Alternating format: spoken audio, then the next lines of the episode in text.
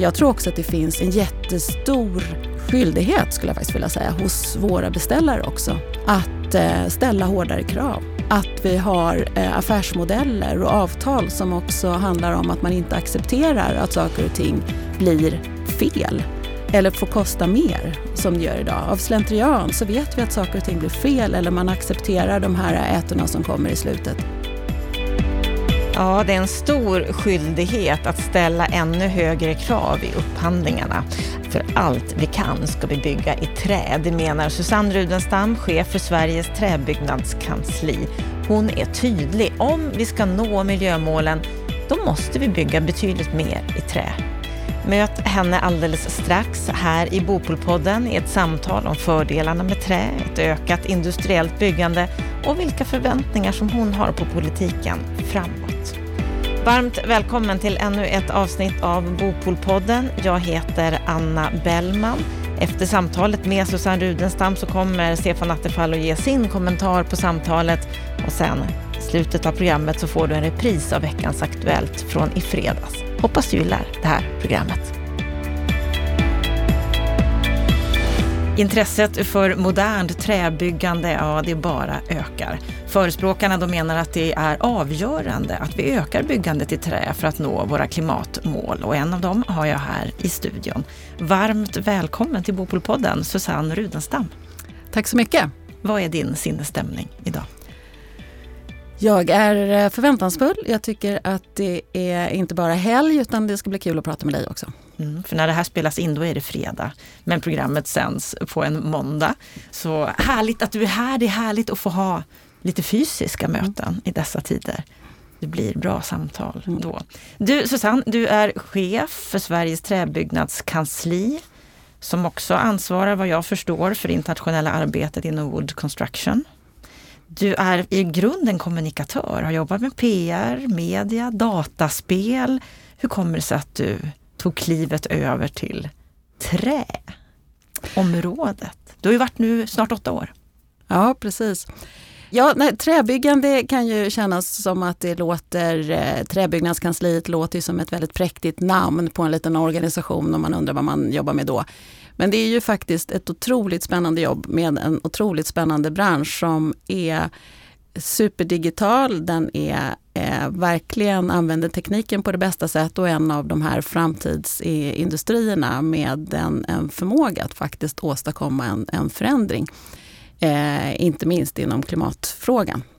Så industrin i sig är, är ju en, en, industri med jättestor potential. Och sen är det ju väldigt roligt att, att arbeta på ur ett sånt här perspektiv som är att man jobbar med en hel bransch, en hel sektor. Eh, vilket gör att man också kan se ganska stora saker hända när man lägger ihop alla de här krafterna som, som alla, alla företagen som ingår gemensamt bildar. Du säger att det är en modern bransch, alltså att den ligger långt fram rent tekniskt med digitalisering och så vidare. Det är ju inte det vi ser i byggbranschen i övrigt riktigt. Vad är det som gör att din del ligger så långt fram tror du? Nej, men det är, precis. Det är ju så att eh, byggbranschen be, be, verkligen, den benämns ju ofta som att vara den minst utvecklingsbenägna, den minst digitaliserade av, av eh, våra närings eller våra sektorer. Och det stämmer ju på många sätt och samtidigt så har ju branschen verkligen en, en, liksom en inneboende egentligen utvecklings eller en vilja att utveckla och lösa problem och lösa utmaningar. Men som sektor så, så är ju byggbranschen inte speciellt utvecklad när det kommer till, till digitaliseringen.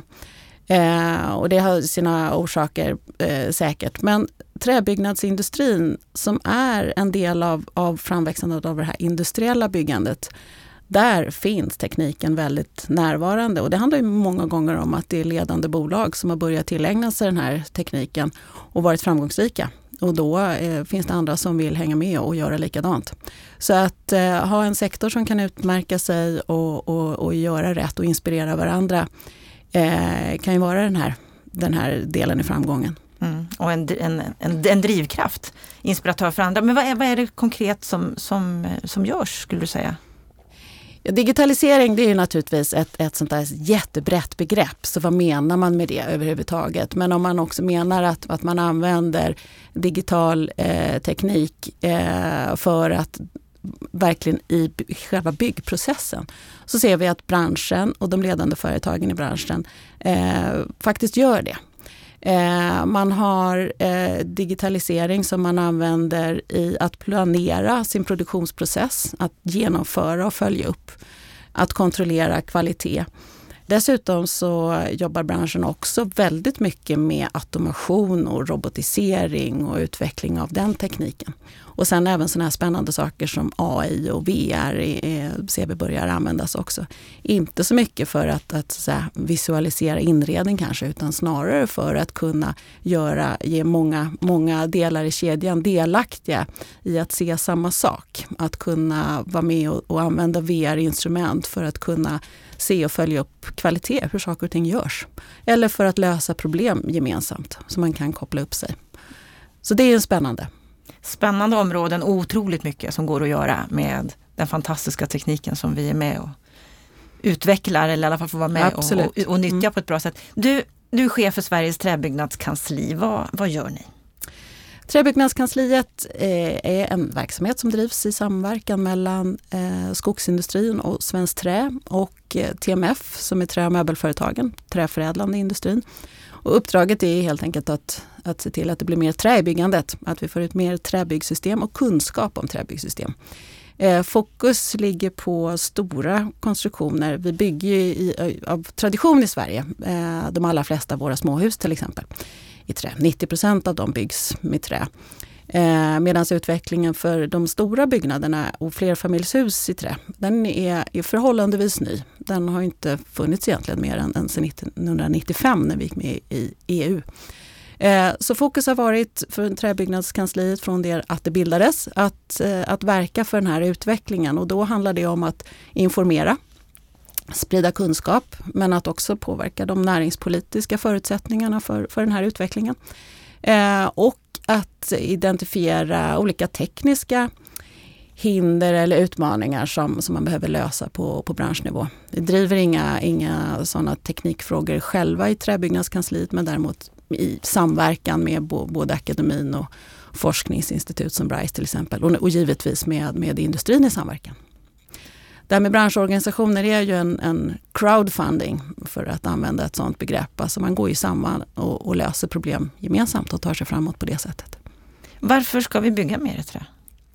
För att man kan och för att man måste. är ju det här enkla svaret. Eh, vi behöver bygga mer i trä. Eh, dels för att vi bygger på ett smart sätt och vi förändrar vår byggprocess eh, genom träbyggandet. Eh, och framförallt som det ser ut nu så har vi klimatfrågan som den största drivkraften. Och det är så att eh, ett ökat byggande i trä är ju ett av snabbspåren faktiskt för att kunna åstadkomma en förändring mot, eh, mot klimatmålens uppfyllande. Det är stora skillnader i, i klimatprestanda och klimatavtryck eh, beroende på vilka material man, man använder. Och trä är ett material som är smart. Det binder CO2 under sin tillblivelse och eh, det lagrar CO2 eller koldioxid under, under hela sin livslängd. Och det bygger också på en förnybar råvara som vi har väldigt gott om i Sverige. Hur mycket skulle du säga att vi skulle behöva öka byggandet i trä för att nå våra klimatmål? Det är ju en fråga som, som naturligtvis går att, att räkna på. Men jag skulle säga att vi ska behöva bygga så mycket vi kan i trä. Eh, mycket av de andra materialen måste vi självklart använda också. Det, det finns jättemånga ställen där vi inte kan använda trä, men när vi kan använda trä så är det smart att byta ut trä. Och det finns ingen typ av konstruktioner som vi inte kan bygga om vi bortser från sånt som är under mark, som vi inte kan bygga med trä. Vi kan bygga högt och vi kan bygga med långa spännvidder och vi kan bygga eh, eh för offentliga, offentliga byggande eller vi kan bygga kommersiella lokaler och kontor och vi kan bygga bostäder. Det finns ingen, ingen tillämpning eller inget, inget byggnadsbehov som inte kan bygga med trä. Infrastruktur förstås ser vi också rätt mycket av som kommer. Nya vindkraftverk som kommer i, i trä. Själva tornen. Så trä är ett oerhört användningsbart material. Ett användningsbart material som vi borde och måste bygga mer av. Hur mycket tror du att det kommer att öka? För precis som du sa, de, de stora byggnaderna, där är vi ju inte riktigt där. Nej, och, och träbyggnadsindustrin har ju präglats av en ganska stark tillväxt nu. Just nu så bygger vi 20% av våra bostäder i, i flerfamiljshusen i, i trä. Den siffran har vi bra koll på därför att den, det, det vet vi hos SCB hur, hur det ser ut. Eh, 90% av småhusen sa jag innan. Eh, när det gäller övriga byggandet så har vi inte riktigt samma eh, begrepp om hur mycket som är i trästommar och inte. Därför att det ofta är också en, en fråga om kombinationer av hybridmaterial eh, där trä kombineras med, med andra material. Eh, men eh, hur mycket vi behöver göra, det behöver vi ju. Vi behöver ju naturligtvis bygga så mycket vi kan med trä. Mm, och då är det en hel del? Och då är det en hel del. Kommer träet att räcka till det då? Träet räcker. Du är helt övertygad? Jag är helt övertygad om det. Vi, för närvarande, vår svenska produktion av, av sågade trävaror exporterar vi 75 procent. Går, går utomlands till export och eh, 25 procent stannar i, i Sverige. Och bara genom att använda en liten del av, av den delen som annars skulle exporteras kan vi behålla hemma och bygga med istället. Så skulle vi kunna klara av vårt byggnadsbehov. Men naturligtvis så ska vi bygga smart. Vi ska ju använda eh, alltid i byggbranschen så lite material som möjligt. Det är vårt gemensamma verkliga åtagande att använda så lite material som möjligt det någonsin går oavsett vad det är för material. Använder Därf vi för mycket material idag? Definitivt. På vilket sätt då?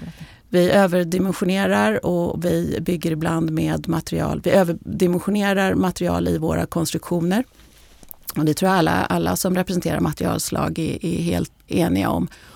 Och just att göra materialkombinationer, exempelvis träet som är lätt eh, och starkt kan många gånger byggas och användas i, i, ehm, i påbyggnationsprojekt. Eh, så istället för att eh, riva befintliga hus så kan man återanvända stommar som kan vara i väldigt gott skick och sen så kan man bygga på med lätta träkonstruktioner ovanpå en befintlig stomme. Ett, ett användningsområde. Och dessutom så om man pratar om för mycket material så är det så här att vår största utmaning ligger i att vi verkligen använder materialet som vi tar i anspråk. Eh, Boverket har räknat ut att eh, Boverket har en rapport som tittar på fel och brister i byggsektorn. Och där ser man att det kostar mellan 50 och 80 miljarder per år i materialsvinn, i att åtgärda saker som blir fel eller helt enkelt ineffektiv tid. Tid som, är, som man tar i anspråk som inte är nyttoskapande. Och det här är ju den största hållbarhetsfrågan av alla. Nämligen se till att, att det material som vi, eh, som vi tar i anspråk för att bygga våra byggnader, att det kommer till nytta. Och hur ska vi göra det? Hur ska vi få bort det här gigantiska svinnet som vi har idag? Det här är ju byggbranschens den här stora fråga att man ska samverka genom, genom värdekedjan och vi behöver ha bättre kontroll. Eh, jag tror också att det finns ett, ett, eh, en jättestor skyldighet, skulle jag faktiskt vilja säga, hos våra beställare också. Att eh, ställa hårdare krav. Att vi har eh, affärsmodeller och avtal som också handlar om att man inte accepterar att saker och ting blir fel eller får kosta mer som det gör idag. Av slentrian så vet vi att saker och ting blir fel eller man accepterar de här ätorna som kommer i slutet. Eh, att ställa krav på samma sätt som man gör inom övrig industri, att man ska ha en exakthet i, i eh, vad saker och ting kostar och hur det ska produceras och när det ska vara klart. Jätteviktigt. Och här kommer det industriella byggandet också som en, en vägvisare.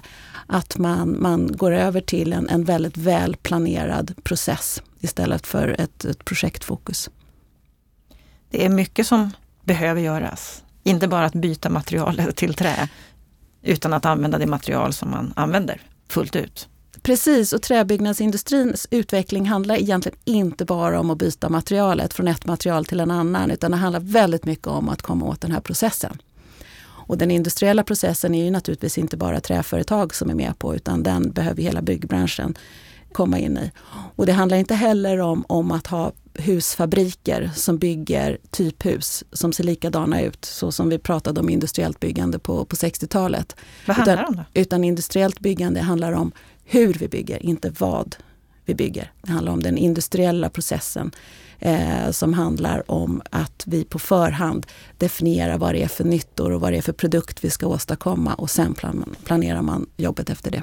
Och jag tänker, här har vi väl också en stor nytta av digitaliseringen när det gäller just materialåtgång och så vidare? Absolut. Här eh, kommer vi nog se också en, en, eh, en spännande utveckling där den som ritar och konstruerar, det vill säga arkitekter och konstruktörer, kommer att få en mycket viktigare roll. Vi kommer få den här utvecklingen av file to factory, att man ritar blir också det som produceras.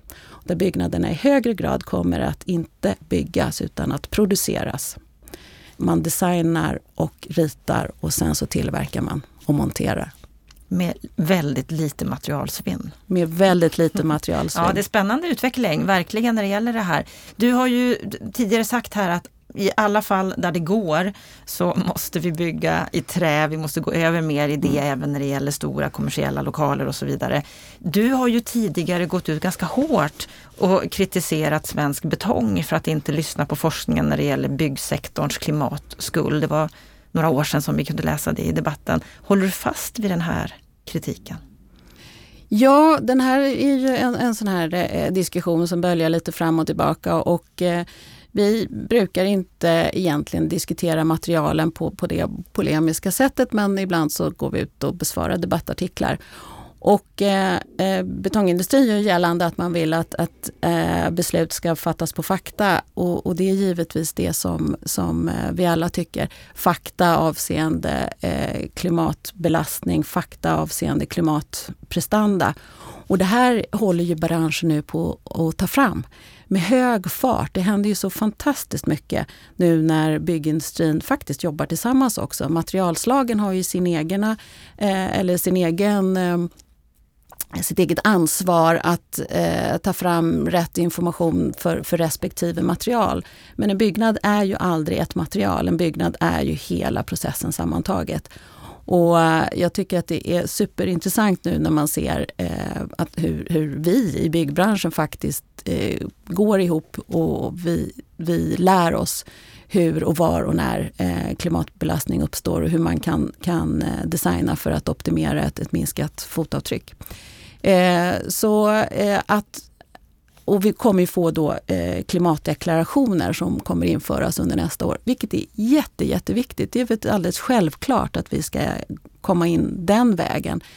Eh, byggbranschen har ju varit helt fokuserade på tidigare eh, på driften på eh, energiprestandan under den tiden som byggnaden, byggnaden eh, är i drift. Eh, och det har ju gett ett väldigt bra resultat ganska snabbt har vi kommit ner mot nära noll energi och vi har kommit ner mot eh, nästintill passivhus och, och vi har varit lyckosamma, eller lyckosamma, vi har varit framgångsrika i det arbetet. Och nu kommer då också relativt sett byggfasen med produktionen av material i fokus.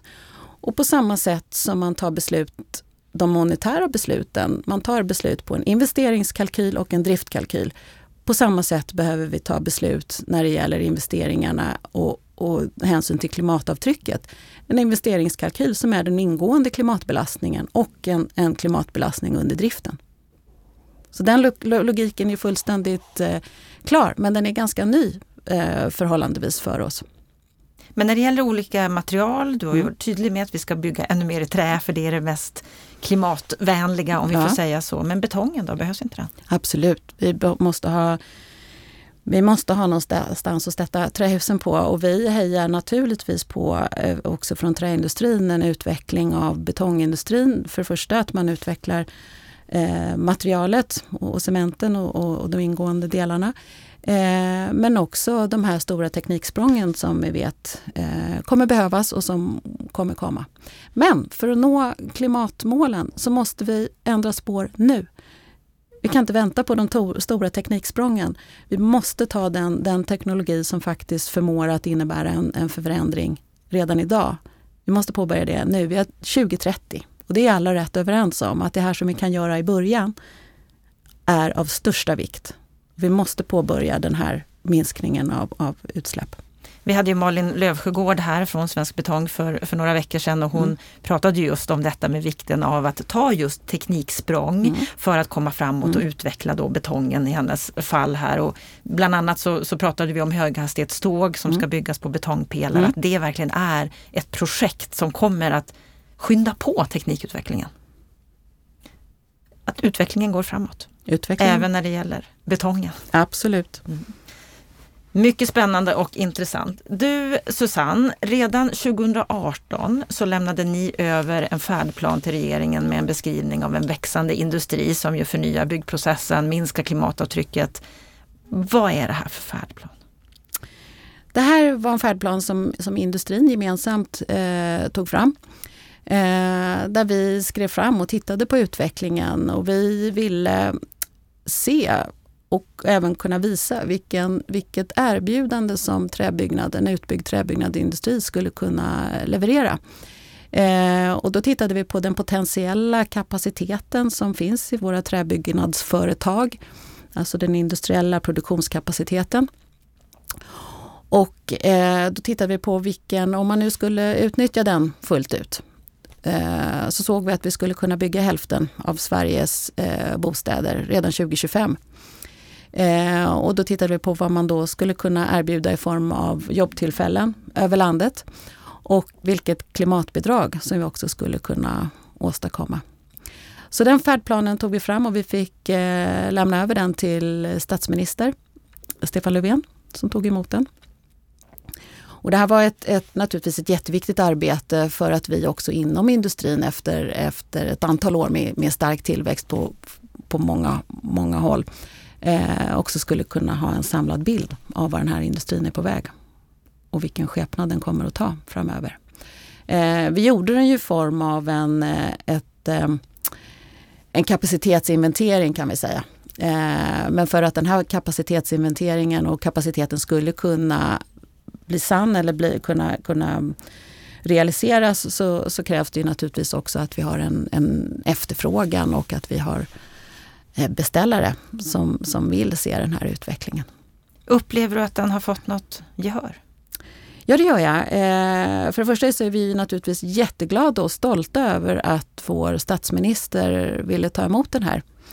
Eh, som, som gjordes på i en, i en av fabrikerna som, som eh, våra industrier eh, har. Och eh, sen tycker vi att det är roligt att den har använts som ett referensmaterial i exempelvis de bostadspolitiska samtalen. Och eh, i de också diskussioner som, som regeringen, eller den önskan som regeringen har uttryckt i, eh, kring träbyggandet och kring, kring ett, ett eh, klimatsmart byggande.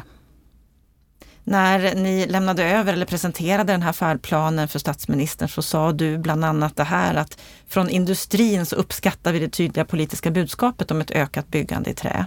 Det var ju någonting som Malin Löfsjögård är lite kritisk till. Mm. Att det är så tydligt från politikernas mm. håll att, mm. att man ska välja ett visst materialval. Kan du förstå hennes synpunkt på det? Egentligen så handlar ju den här frågan om att man ska åstadkomma en förändring i klimatpåverkan. Det är ju som det yttersta yttersta målet. Eh, och samtidigt så innehåller ju träbyggande arbetstillfällen över hela landet. Det handlar om ett bra tillskott av bostäder på ett effektivt sätt. Också överkomliga bostäder. Och det handlar om eh, ett ordentligt bidrag när det gäller klimatfrågan. Så det här är ju som tre en-önskningar som naturligtvis är, är väldigt intressant för politiken.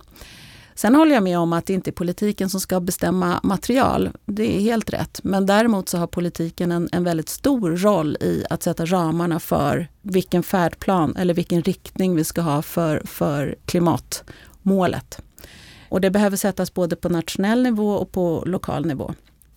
Och när det gäller träbyggande så är det också så att träbyggande var under en lång tid inte tillåtet i de här stora konstruktionerna. Det vill säga under lång tid så var det förbjudet att bygga högre våningar än, än två med trä. Eh, och under 1900-talet så innebär det att hela kunskapen om att rita och konstruera och även bygga de här husen faktiskt inte har, har eh, upprätthållits. Så att kunskapen har ju försvunnit från våra universitet på samma sätt som att politiken är med och driver frågan om att, att bygga höghastighetsjärnvägen ovan mark så har politiken också en roll att driva innovation och utveckling. Och här kommer då en, en träbyggnadsindustri som, som har ett bidrag att göra. Det du, sa då, det du sa då när, när ni presenterade det här, det var att det är viktigt att det offentliga Sverige nu tar täten. Som största beställare har staten och dess bolag en stor möjlighet att påverka den inriktning som finns. Ja. Tar Sverige täten? Ja och nej. Industrin tar täten. Eh, industrin när det gäller industriellt träbyggande är definitivt ledande. Eh, som, eh, som beställare så tar inte Sverige täten. Här ser vi att andra länder som Frankrike till exempel verkligen har satt ner foten och sagt att nu ska man bygga hälften av sina nya bostäder eller nya, nya byggnader i trä. Eh, I Finland så finns en helt ny eh, bo, träbyggnadsstrategi på, på nationell nivå som är, är med specificerade mål på alla kategorier. Bostäder, förskolor, kommersiella lokaler, idrottshallar och så vidare. Och likadant ser vi på, på andra håll också. Så att alltså bygg, byggindustrin är, hur man än vrider och vänder på det, så är det, den är politisk. Och det här måste vara ett handslag mellan industri och samhälle och akademi, den här utvecklingen. Den kan inte bedrivas, vi pratar om silon i byggindustrin, men den kan heller på samhällsnivå inte heller bedrivas i silon. Och det offentliga, de offentliga byggherrarna är de största beställarna av byggnation. Och de offentliga byggherrarna behöver gå före, både för att driva innovation men också för att visa vilken inriktning vi ska ha på, på klimatprestandan. Mm, du har bland annat gått ut och sagt att du vill att staten som landets största beställare går före genom att anpassa upphandlingsprocessen för offentliga bolag. Mm. Vad är det du vill se där? Det tycker jag är jätteviktigt. Att eh, vi har ett, ett åtagande som handlar om Agenda 2030. Naturligtvis vår, vår, eh, våra klimatmål och vår klimatlagstiftning. Men Agenda 2030 är vårt åtagande. Eh, och då gäller det att man också går ut och kravställer mot Agenda 2030 eller med Agenda 2030s målsättningar. Eh, och där är vi inte än. Utan här behöver man definiera vad det handlar om. Vi har en annan fråga som inte bara handlar om klimatfrågan som handlar om, om eh, exempelvis sociala förhållande, arbetsmiljö, eh, rätten till facklig tillhörighet som eh, är ett tydligt och uttalat mål i Agenda 2030 och som inte kravställer mot. Alltså de här hela hållbarhetsdimensionen som, så som den är beskriven i Agenda 2030 eh, är det viktiga ramverket. Och här finns det jättemycket kvar att göra. Jag tycker exempelvis att, att de offentliga byggherrarna givetvis ska ställa krav på sociala eh, villkor och schyssta arbetsvillkor rätt genom hela kedjan. Det är ett område som, som byggbranschen också har ganska stora utmaningar med. Eh, hur ser det ut med, med underentreprenörsled och vad är det för villkor som vi har i... Så politikerna borde sätta ner foten och, och göra mycket mer än vad de gör? Politikerna borde sätta ner foten. Vad är det du helst vill se här? Jag vill se en, en tydlig eh, upphandlingsmodell som tar eh, hänsyn till alla de här eh, parametrarna och som de facto använder dem. Jag tror att LOU fungerar alldeles utmärkt eh, så som det är idag. Det handlar ju om tillämpningen. Men de här parametrarna ska föras in. Och jag tycker att, att staten ska ge sina bolag i uppdrag att gå före när det gäller klimatfrågan verkligen och visa vägen. Du sa att det är viktigt att det inte heller ska bedrivas som silos utan att både akademin och staten och näringslivet måste jobba ihop för att vi ska nå våra mål. Vad vill du se att byggbranschen gör? Du tänker på byggbranschens initiativ eh, eller hur tänker du på byggbranschen? Ja, för att vi ska nå våra klimatmål, bland mm. annat varit inne på vikten mm. av att inte använda mer material än nödvändigt. Mm. Finns det något annat som, som branschen borde fokusera på? Branschen har naturligtvis ett, ett, ett stort ansvar att eh, bedriva utveckling eh, mot, eh, eller bedriva sin egen FoU och sin egen teknikutveckling, ta fram produkter som, som möter de här kraven och möter de här behoven. Eh, och jag tycker också som bransch att man har ansvar att, att sälja det bästa. Eh, det vill säga man kan inte heller som byggbransch då säga att Åh, nu är det bara beställarna som måste ändra sig och, och beställa det här som är det bästa. Utan här har man ju faktiskt att har vi en, en känsla eller vi har en kunskap om vad som är det bästa så, så behöver man också se till att det är det som kommer ut på marknaden. Vad är din största prioritet som chef för Sveriges träbyggnadskansli just nu? Just nu så handlar eh, mitt mesta arbete om det här med eh, produktivitetsutveckling. Och att eh, det är den, faktiskt den viktigaste frågan på, på bordet. Jag vet att det pågår så ofantligt mycket eh, hos vår industri när det gäller kunskapen om livscykelanalyser, om att ta fram eh, de rätta materialen och de rätta produkterna. Eh, så jag ägnar mig ganska mycket åt byggprocessfrågorna just nu och ser hur vi kan, kan eh, ytterligare eh, konsolidera den här kunskapen hos eh, träbyggnadsindustrin som, som bransch. Ehm, produktivitetsutveckling är naturligtvis bland det viktigaste vi, vi ägnar oss åt. Förutom att det handlar om, om resurshushållning så har det ju en annan mynt också och den är ju kommersiell. Det vill säga att kunna bli, bli ordentligt konkurrenskraftig. Det finns mycket att göra. Det finns, det mycket, finns att mycket att prioritera.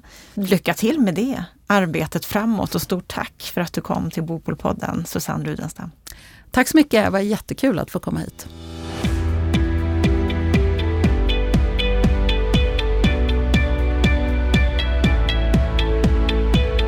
Då har vi hört samtalet med Susanne Rudenstam. Vad säger du om det här samtalet, Stefan Attefall? Jo, men det är intressant och framförallt så är ju träbyggande en het fråga och eh, hon har ju helt rätt i att det här tog ju fart, alltså flerfamiljshusen, att bygga i trä, det tog ju fart på mitten av 90-talet när vi bland annat på grund av EU-inträdet gjorde att vi inte längre förbjöd träbyggandet. Eh, och det, det är ju ganska komiskt att vi har haft sådana regler. Men eh, småhusbyggandet som hon påpekade är ju väl 90 procent är ju i trä. Men flerfamiljsbyggandet, där är det mindre. Jag tror att hon talade om att det var 20 procent nu som byggs i trä av flerfamiljshus. Och det är klart att den siffran både kan och bör höjas. Eh, kommer den att göra det? Vad tror du? Vad är förutsättningarna för det? Jo, det kommer den att göra. Så det beror ju på att eh, vi dels har en ska vi säga, många gånger effektivare produktion av eh, trähus i fabrik. Alltså branschen flyttar mycket mer in produktionen inne i fabriken och därmed så får du en effektivare produktion. Det är en viss typ av ska säga, trähus som kommer man kunna prismässigt enkelt konkurrera på det sättet. Men sen är, är ju klimatfrågan som hon nämner också ett skäl till att man kommer att bygga mer trä. Men däremot ska vi inte bygga allt i trä och eh, vi ska bygga rätt sak i trä. Och här är det ju en svår balansgång. Hur ska vi veta vilket material som är rätt att använda? Det ska ju faktiskt inte politikerna styra, utan det ska ju faktiskt bransch och byggare styra. Därför att olika material har ju olika egenskaper. Och jag menar, bygger du exempelvis ett eh, högt hus så kanske du måste ha betong för att skapa stabilitet och, och så i grunden. Eh, men du kan kanske ha mycket trä, massivträ i själva huskonstruktionen i övrigt. Alltså du blandar material, du kanske använder stål och liknande saker. Så jag tror att man ska, man ska vara ganska öppen för vilken typ av material. Det viktiga är ju att allt material blir bättre ur klimatsynpunkt. Och det vet vi ju som vi hörde på Malin Löfsjögård när hon var här och för Svensk Betong att det pågår ett utvecklingsarbete för betongen mer klimatsmart.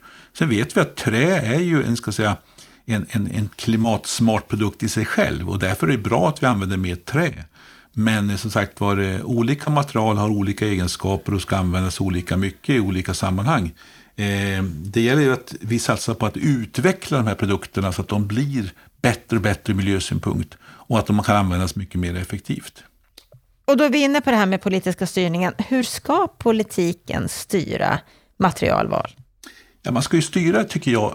Det finns eh, positiva exempel. Jag tycker det är bra med, med klimatdeklarationer som pekar på byggfasen. Vad har det för klimateffekt? Och då vet vi att logistik, transporter men också materialval är viktiga. Och då kommer trä att, att synas bättre, få en bättre konkurrenssituation. Men också driva på utvecklingen av, av mer miljövänlig och klimatsmart betong också. Eh, så den typen av klimatdeklarationer, livscykelanalyser, det är ett bra exempel. Forskning, innovation, eh, på olika sätt, det ska självklart staten stimulera. Vad jag vänder mig emot, det är ju när man på kommunpolitisk nivå börjar tala om att nu ska privata byggherrar bygga x procent av sina hus eh, i trä, annars får de ingen detaljplan. Eh, jag har sett exempel på när man börjar ställa sådana krav, men man ställer inte krav på att kommunens alla förskolor ska byggas med trä, det man själv ska betala och göra. Alltså man börjar ställa krav på andra. Och den typen av detaljregleringar tror jag är farliga, för det kommer att driva kostnader och slå ut en del konkurrens, därför att en del företag är mer specialiserade att använda betong, andra mer trä. Och det där ska inte kommunpolitikerna sitta och rodda på med.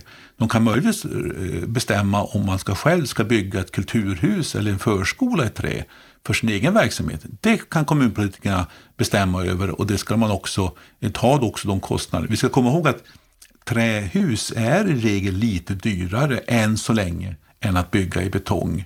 Eh, så det är en merkostnad. Den kan vara värd att ta för en kommun om man vill ha trä, exempelvis i ett kulturhus eller en annan byggnad. Men ålägg inte alla detta innan eh, per automatik. Eh, men sen vet vi också, bygger du i fabrik eh, standardiserat eh, som många trähusfabrikanter gör, framförallt de kanske eh, småhusen och mindre ska vi säga eh, flerfamiljshusen, ja då kan du pressa kostnader. Men höga hus med massiv trä, där blir i regel något dyrare än så länge att bygga i, i, i trä. Men det här är som sagt var en fråga som också kommer förändras över tid när, när eh, fler konkurrenter tillverkar massivträ i olika former och eh, marknaden utvecklas på olika områden. Så kommunala träbyggnadsstrategier, de ger du inte jättemycket för? Jo, om de är utformade på rätt sätt.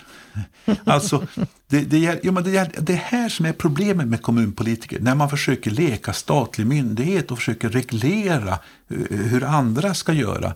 Man kan ha en träbyggnadsstrategi som säger så här att vi ska bygga exempelvis eh, offentliga byggnader i trä därför att vi tycker det är vackert och, och, och riktigt och, och klokt och, och ur klimatsynpunkt. Men då tar jag kostnaden för det också. Och jag själv styr detta. Jag får färre kanske konkurrenter som vill eh, lägga anbud och det blir ett högre pris. Ja, men det, då har man ett politiskt beslut på detta. Men att hålla på och säga att i det här nya bostadsområdet det ska byggas tusen lägenheter, där ska 70 82 procent vara i trä. Det är ju att ålägga andra som inte kommunen ska bestämma över. Utan trähusbyggen ska främjas med klimatdeklarationer, konsumentmakt, forskning, innovativa innovationer av olika slag som staten främjar. Men kommunpolitiker ska inte leka stat. Kommunpolitiker ska inte leka stat, men göra det som ändå är bäst för den egna kommunen. Stort tack för den här veckan, Stefan Attefall. Då ska vi få en repris av eh, veckans Aktuellt som vi hörde och sände i fredags.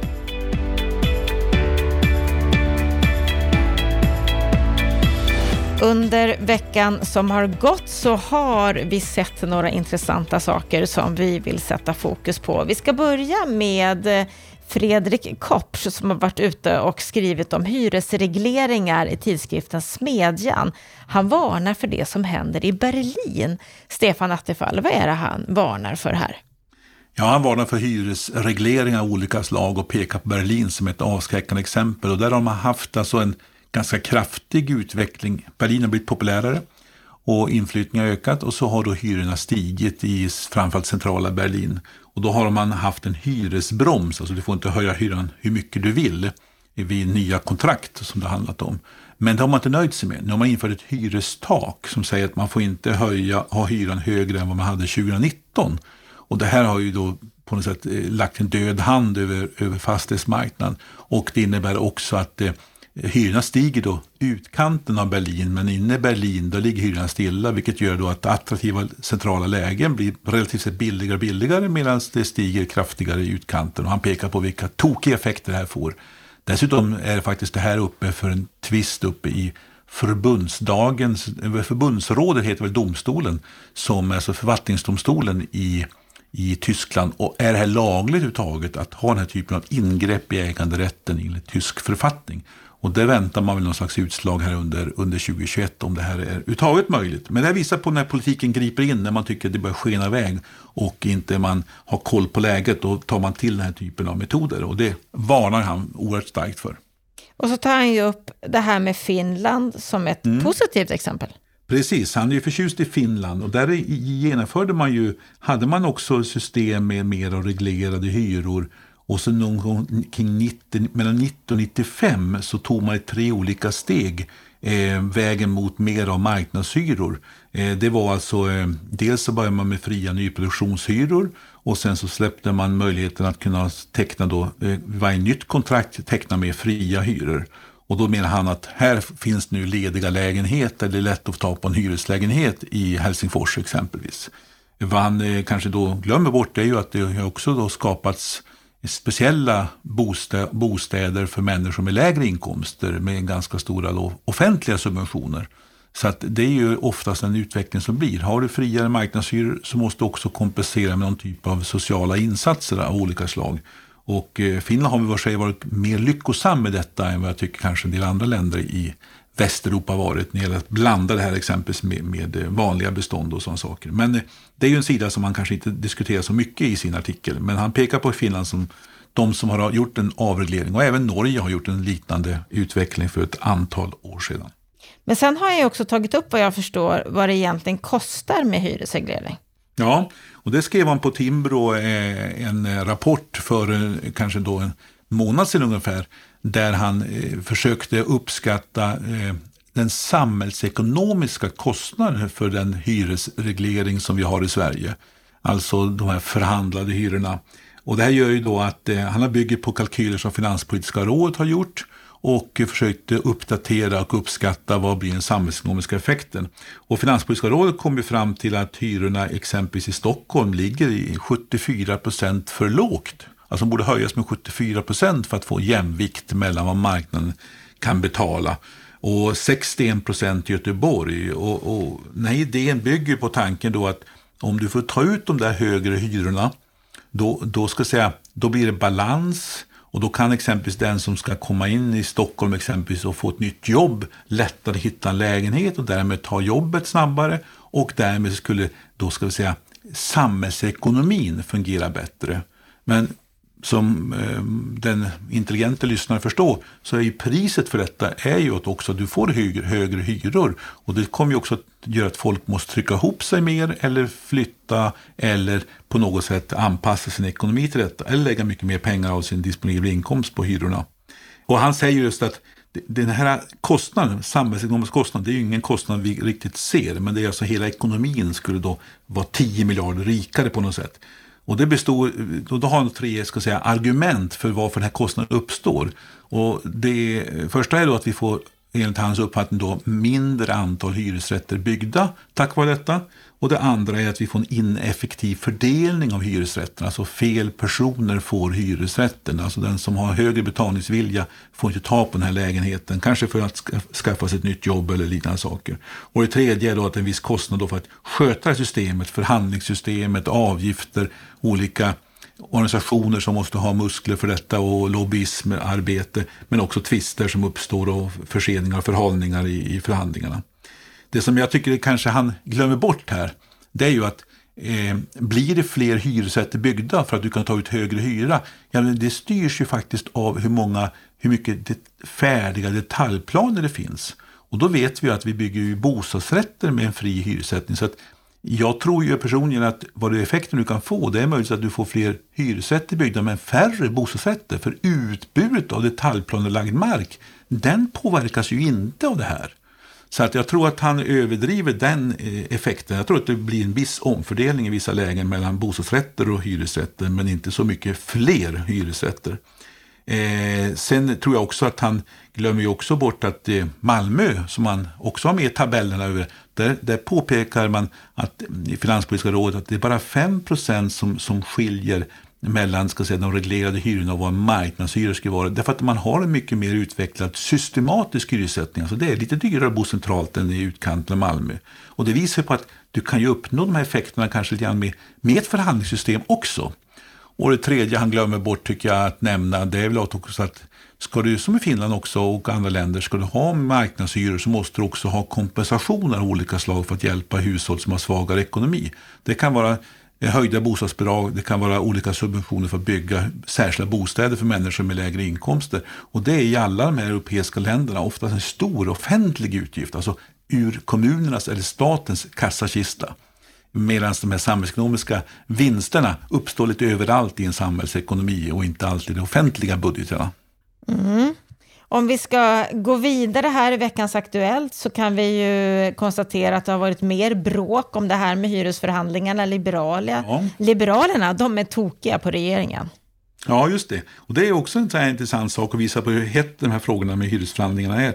Därför att eh, Liberalerna stormar ju mycket emot att en av de här tre utredningar som tittar nu på hur vi ska få då ett bättre fungerande eh, hyressättningssystem som ibland Liberalerna och Centerpartiet drev igenom i januariavtalet. Och en utredning kom vid årsskiftet men aldrig blivit offentlig, inte gått ut på remiss.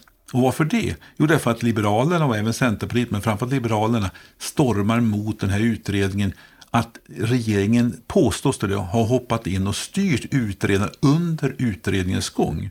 Och det handlar helt enkelt om att den här eh, utredningen skulle föreslå då en effektivare hyresförhandlingssystem, bland annat införandet av ett skiljedomsförfarande. Så om man inte är överens mellan Hyresgästföreningen och fastighetsägare, hur löser man tvisten? Och då kom utredningen fram till att man ska ha ett frivilligt system. Och där tycker inte Liberalerna om. Man vill ha ett tvingande system, att man måste gå till ett skiljedomsförfarande som är då offentligt styrt med via lagstiftningen, tycker Liberalerna. Och då skriver den här utredaren Jan Josefsson också i, i ett mejl som Expressen citerade eh, den 16 mars. Denna ändring av uppdraget påverkade förutsättningarna för det förslag till skiljeförfarande som jag kunde lämna. Alltså, han har fått någon typ av signal om att du ska göra så här. Och det är ju anmärkningsvärt. Det har jag aldrig varit med om att man så tydligt har styrt en utredare som uppenbarligen han har uppfattat sig bli. Eh, och det här skapar ju då problem och det får ju konsekvenser också på hela regeringsfrågan. Det är ju en del av det som också orsakar att Liberalerna funderar på att bryta samarbetet med regeringen. Kan vi prata om en förtroendekris här?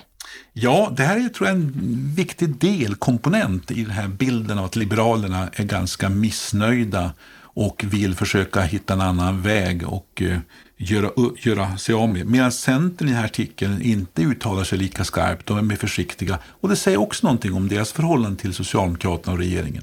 Så att det, eh, det här får storpolitiska konsekvenser. Och nu kommer ju också utredningen till våren om nyproduktionshyran som ska bli fria. Och då kommer det säkert bli nya sådana här bråk och skärmysslingar. För det här är helt politik och eh, direkt koppling till januariavtalet och till regeringsfrågan.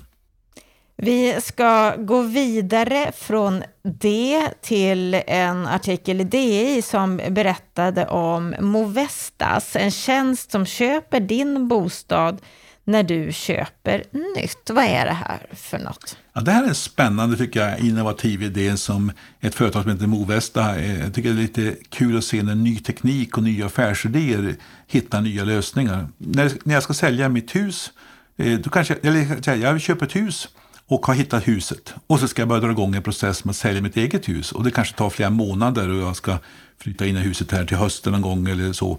Då kan ju vara olika marknader. Jag vet ju inte vad jag har för pengar. Här går företaget in och säger du har bestämt dig för att köpa det här huset. Vi köper ditt hus. Vi gör det klart på en vecka. Du får pengarna och vi tar hand om eh, huset och sen säljer det vidare. Då tar de risken, men de ger också en snabb leverans. Alltså de korta, minskar min risk och de minskar eh, min kostnad för att vara osäker mellan de här två sakerna. Och eh, det här är ju en spännande service som många, tror jag, kommer att uppskatta. Men kommer det att funka? Det kräver att de har en hel del kapital. För det kommer innebära att de ska binda pengar. Eh, kanske inte ett helt år, men säg flera månader varje, varje försäljning och köp och försäljning. Och det andra är att de själv gör rätt bedömningar och kan sälja det förhoppningsvis till ett bättre pris. Och de talar om här i artikeln också att de kanske ska gå in och titta och kanske göra ett enklare upprustningar och fräscha upp husen. Och att de är duktiga på det, ja då kan de göra en mellanskillnad och då kan det bli en lönsam affär. Men gör de fel, då är det konkurs. Intressant att följa. Det sista ja. som jag vill att vi ska ta upp här i veckans Aktuellt, det är ju nyheten om att Attefall och Weiss startar stödboende. Vad är det ni gör nu? Ja, det är lite utanför kanske Bopolpodden, men det är, eh, det är så att eh, Lennart Weiss och jag och eh, eh, Samir Sabri och Henrik Nilsson och Kim Tomé och ytterligare några personer, vi är ett gäng som har startat upp en verksamhet, den börjar 1 april, där vi ska hjälpa människor som har eh, kriminalitet, missbruk, hemlöshet, alltså har problem att hitta en fast punkt i tillvaron och hitta en bostad. De ska kunna få ett stödboende. Det är ofta socialtjänsten då som, som anvisar. Och så ska vi försöka hjälpa de här människorna att få lite stabilitet med en eh, dygnet runt bemanning och särskilda kontaktpersoner som kan jobba med de här personerna. Och så ska vi också hjälpa till med att hitta praktikplatser, hjälpa dem att komma ut på arbetsmarknaden, hitta träningslägenheter och eh, utbildning när det behövs. Eh, vi har kontakter med folkhögskolor, vi har kontakter med bostadsföretag och liknande saker. Så att vi hoppas kunna vara en liten länk och hjälpa till med detta. Och eh, jag och Lennart är i styrelsen och hjälper till med, med en del saker, men det är ju sen andra personer som ska jobba praktiskt i verksamheten med erfarenhet från den här typen av, av verksamhet att hjälpa exempelvis för detta kriminella och människor som har haft olika typer av problem och behöver helt enkelt komma tillbaka till stabilt liv. Men hur rimmar det här med eh, Alltså den initierade har ju kunnat följa att ni är lite grann emot social housing. Ja, men det här är ju inte det. Det här handlar om helt enkelt om ett, ett boende under en kortare tid när man får det är en del i socialtjänstens eh, ska säga, rehabilitering och hjälp att människor kommer, kommer ut. Och sen ska vi försöka slussa ut dem. Men det kan innebära att man får kanske ungefär som eh, socialtjänsten kan direkt gå till, en, eh, till ett bostadsföretag och få en eh, träningslägenhet under en kortare tid. Det kan innebära men eh, sen måste man ut på den vanliga bostadsmarknaden och eh, få vanliga ska säga, villkor. Men vi ska förhoppningsvis hjälpa dem att komma i ett läge att man är ska säga, konkurrenskraftig på arbetsmarknaden och bostadsmarknaden och hjälpa dem också att ta kontakt. Bara detta med att komma in och ställa sig i bostadskön, eh, få ett antal sådana här saker att fungera. Det är för många människor ett stort steg framåt och vi tror att vi kan göra skillnad och vi har bra medarbetare som vi tror är både professionella och engagerade. Så det är det som driver oss och tycker det är ett spännande sätt att försöka göra lite, en liten insats för att hjälpa människor som har lite, lite tuffare att komma tillbaka till ett normalt liv än vad vi kanske andra har upplevt. Varför väljer ni att satsa på just det här?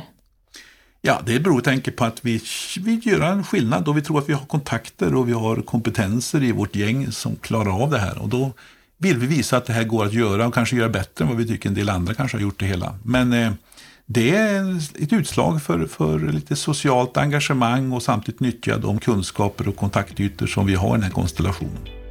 Då hoppas vi, vi att... titta på secondchance.se, det finns på nätet. Det ska jag absolut göra. Då får vi hoppas att ni lyckas med den här satsningen. Stort tack för den här veckan, Stefan Attefall. Det var allt från Bopolpodden den här veckan. Är det så att du vill förkovra dig, läsa mer, då går du in på bostadspolitik.se. Och är det så att du vill komma i kontakt med oss, då gör du det via podd bostadspolitik.se. Med detta så önskar jag dig en fortsatt fantastisk vecka.